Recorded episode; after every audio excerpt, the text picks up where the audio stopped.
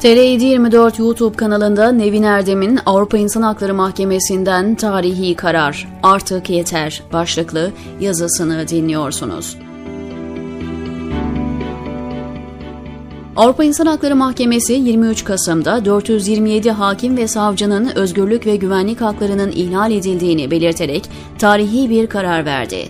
Tarihi ifadesi bir abartı değil. Zira Avrupa İnsan Hakları Mahkemesi tarihinde ilk kez bir devlet hakkında bir dosyada 427 kişiye yönelik hak ihlali yapıldığına hükmetti. Kim bu hakimler ve savcılar? 15 Temmuz gecesi darbeci askerlerin isimleri dahi belirlenmeden önce suçüstü yapıldıkları ilan edilerek haklarında gözaltı kararı verilen hakim savcılar. İlk anda tam 2745 kişiydiler. Ancak sonraki 5 yıl içinde bu sayı yaklaşık 5000'e ulaştı. Peki niçin önemli bu suçüstü hali kavramı? Çünkü anayasa ve hakimler ve savcılar kanununa göre hakim savcılara yönelik özel soruşturma usulleri var. Bu güvence hakim ve savcının görevini endişe duymadan yapmasını amaçlıyor. Ancak ağır ceza mahkemesinin görevine giren suçüstü hali varsa bu özel soruşturma hükümleri uygulanmıyor. İşte bu güvenceyi ortadan kaldırabilmek ve 15 Temmuz gecesi ve sonrasında hakim savcıları gözaltına alabilmek için suçüstü hali var dediler. Örneğin cinayet mahallinde elinde kanlı bıçakla yakalanan ya da hırsızlık için girdiği evde yakalanan failin durumunda suçüstü hali vardır. Mahkemede duruşmasına devam ederken veya odasında dosya incelerken ya da adliyede lojmanlarındaki evinde dinlenirken gözaltına alınan bir hakim savcı hakkında nasıl suçüstü hali var denilebilir? Dediler ama işte Avrupa İnsan Hakları Mahkemesi bu safsatayı bir kez daha tespit ve ilan etti. Daha önce de AYM üyeleri Alparslan Altan ve Erdal Tercan'la Hakim Hakan Baş dosyalarında benzer kararlar vermişti. Son kararın farkı tam 427 hakim savcı hakkında aynı ihlalin yapıldığının belirtilmesidir. Avrupa İnsan Hakları Mahkemesi 427 dosyayı birleştirerek verdiği bu kararıyla artık yeter dedi. Artık yeter Türkiye. Avrupa İnsan Hakları Mahkemesi Türkiye Cumhuriyeti ile ilgili o kadar net bir mesaj verdi ki Türkiye'de hukuk yoktur, yargı yoktur, adalet yoktur dedi. Üstelik bunu 1-2 değil, tam 427 hakim savcı dosyasıyla ilgili olarak söyledi. Normal bir devletin ve halkın böylesine ağır mesajı kaldırabilmesi mümkün değil. Devleti yönetenler bu kadar açık hukuksuzlukları ortaya çıktıktan sonra nasıl yönetmeye devam edebilirler? Hadi onlar devam etmek istedi. Halk nasıl izin verir? Binlerce hakim savcıya bunu yapanlar bir güvencesi olmayan bireylere neler yapmaz ya da yapmıştır. Avrupa İnsan Hakları Mahkemesi yolunda daha binlerce hakim savcı dosyası var. İç hukuk yolları tüketildikten sonra hepsi birer birer Avrupa İnsan Hakları Mahkemesi'ne gelecek. Şüphesiz aynı şekilde ihlal kararları çıkacak. Kararın ortaya çıkardığı bir ürpertici gerçek de şu. 16 Temmuz sabahından itibaren tutuklanan binlerce hakim savcı hukuka açıkça aykırı bir şekilde yani bir plan çerçevesinde tutuklandı. Plan açık. Hakim savcılar önceden fişlenecek, darbe bahanesiyle oluşturulan patırtı, gürültü ve dumanlı havada suçüstü hali var denilerek tutuklanacak. Bu tabii planın birinci ancak en önemli ayağı. Zira hakim savcılar tutuklandıktan sonra yargı tamamen iktidara bağlanacağından askerlerin, polislerin, akademisyenlerin, gazetecilerin ve muhalif olduğu değerlendirilen yüz binlerin tutuklanmasının önünde hiçbir engel kalmayacak. Bir plan olmasaydı tutuklanmaları mümkün olmayan binlerce hakim savcının darbe haberinin alınmasından 3 saat bile geçmeden açığa alınması sonra tutuklanması mümkün olabilir miydi? Hakim savcıları suçüstü hale gerekçesiyle tutuklayacağız kararını almak için darbeden önce kaç toplantı yaptılar acaba? Bir planın varlığı şunun için önemli. Hem soykırım hem de insanlığa karşı suçların unsurlarından bir tanesi eylemlerin bir plan çerçevesinde işlenmesidir. İşte Avrupa İnsan Hakları Mahkemesi'nin bu kararı böyle bir planın varlığına işaret etmektedir. Avrupa İnsan Hakları Mahkemesi'nin bu kararının kesin olarak gösterdiği bir diğer şey ise bir gruba yönelik yaygın ve sistemli bir şekilde hukuksuzlukların yapıldığıdır. Türkiye'nin farklı bölgelerinde görev yapan 427 hakim savcıya yönelik bu hukuksuzluğun teknik adı kişiyi hürriyetinden yoksun kılma yani gözaltı ve tutuklamadır ki bu insanlığa karşı suçların unsurlarından biridir. 427 sayısı ise eylemlere yaygın ve sistematik diyebilmek için yeterli bir sayıdır. Sıradaki yüz binlerce dosyayı hesaba katmadan dahi durum bu kadar açıktır.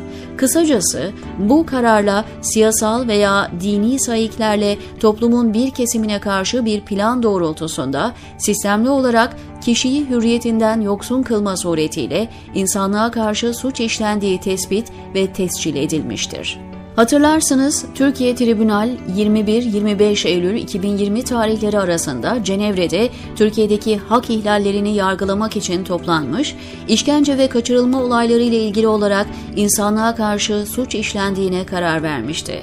Avrupa İnsan Hakları Mahkemesi'nin bu kararından sonra Türkiye Tribunal'in yeniden toplanması gerekmektedir. Çünkü bu karar insanlığa karşı suçun kişiyi hürriyetinden yoksun kılma suretiyle de işlendiğini açıkça ortaya koymaktadır. Sadece 427 hakim savcının durumu dahi böyle bir yargılamanın başlatılması ve sonuca ulaştırılması için yeterlidir. Ancak böyle bir yargılamada sadece bu hakim savcıların şahıslarına yönelik hak ihlalleri değil, binlerce hakim savcının tasfiye edilerek yargının iktidara bağlandığı ve yüz binlerce insana yönelik gözaltı ve tutuklamalarla kişiyi hürriyetinden yoksun kılma eylemlerinin yaygın ve sistematik olarak gerçekleştirildiği anlaşılacak.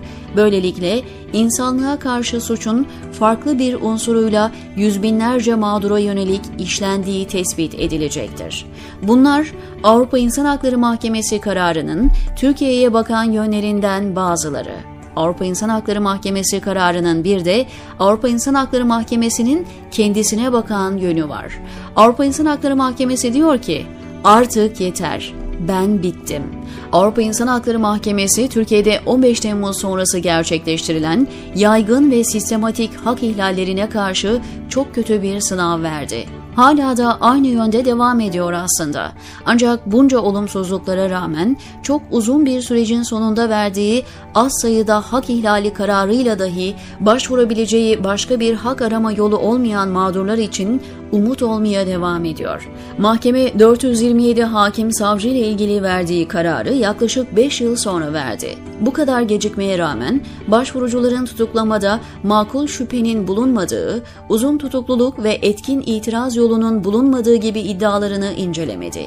Tüm başvurucularla ilgili olarak yasalara aykırı bir tutuklama yapıldığını belirterek ihlal kararı vermekle yetindi. Avrupa İnsan Hakları Mahkemesi'nin diğer iddiaları incelememe nedeni ise hayli ilginç. İş yoğunluğu.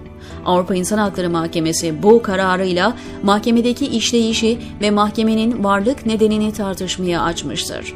Evet gerçekten de Türkiye'den özellikle 15 Temmuz sonrası Avrupa İnsan Hakları Mahkemesi'ne giden başvuru sayısı oldukça fazla.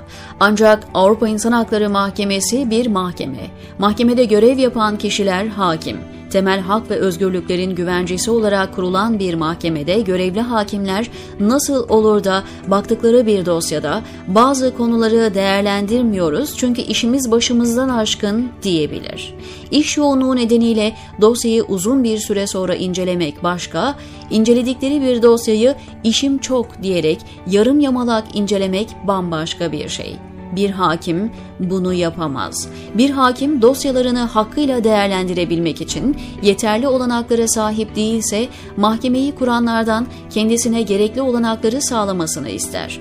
Eğer ilgili devlet ya da devletler bu olanakları sağlamıyorsa o zaman hakimin yapması gereken dosyaları yarım yamalak inceleyip eksik gedik kararlar vermek değildir. İstifa etmektir. Hakimlik onuru bunu gerektirir. Karara muhalif kalan hakim Egidius Kuris bu şekilde bazı şikayetler hakkında yoğunluk gerekçesiyle karar vermemenin bazı kötü niyetli devletlere ihlal yapılacaksa seri halde büyük ihlaller yapılmalı ki sorumluluktan kurtulalım şeklinde bir mantıksal çıkarım yaptırabileceğini ifade ediyor. Kuris'in bu haklı tepkisi önemli. Ancak mahkemenin onurunu kurtarmaya yetmez. Sonuç olarak Avrupa İnsan Hakları Mahkemesi'nin dosyaları yarım yamalak inceleyip eksik gedik verdiği bu karar bu haliyle dahi oldukça önemli. Tarihi bir karardır. Avrupa İnsan Hakları Mahkemesi açısından İhlal kararı verdik işte diyerek bu şekilde dosyaların üzerini kapatamaz. Ya önüne gelen davalara varlık gayesine uygun olarak etkin bir şekilde bakacak yol ve yöntemler geliştirmesi ya da hakimlik etik ve onuruna yakışır şekilde gereğini yapması gerekir. Avrupa Konseyi açısından Avrupa İnsan Hakları Mahkemesi temel hak ve özgürlükleri korumaya yönelik kendisine verilen görevi yerine getirememektedir. Derhal müdahale edilmesi gerekmektedir. Türkiye açısından yargı bağımsızlığı ve tarafsızlığının planlı bir şekilde ortadan kaldırıldığını ilan eden bu karar sonrasında hakim savcılara yönelik yargılamalar başta olmak üzere 15 Temmuz sonrası başlatılan tüm yargılamaların derhal durdurulması gerekir. Elbette yapmayacaklar ama yapılması gereken budur. Bu kararla birlikte ağır ağır yargısal tescile doğru giden bir insanlığa karşı suç ispat ufkunda iyiden iyiye gözüktü. Artık kaçış yok, diyor Nevin Erdem TR724'deki köşesinde.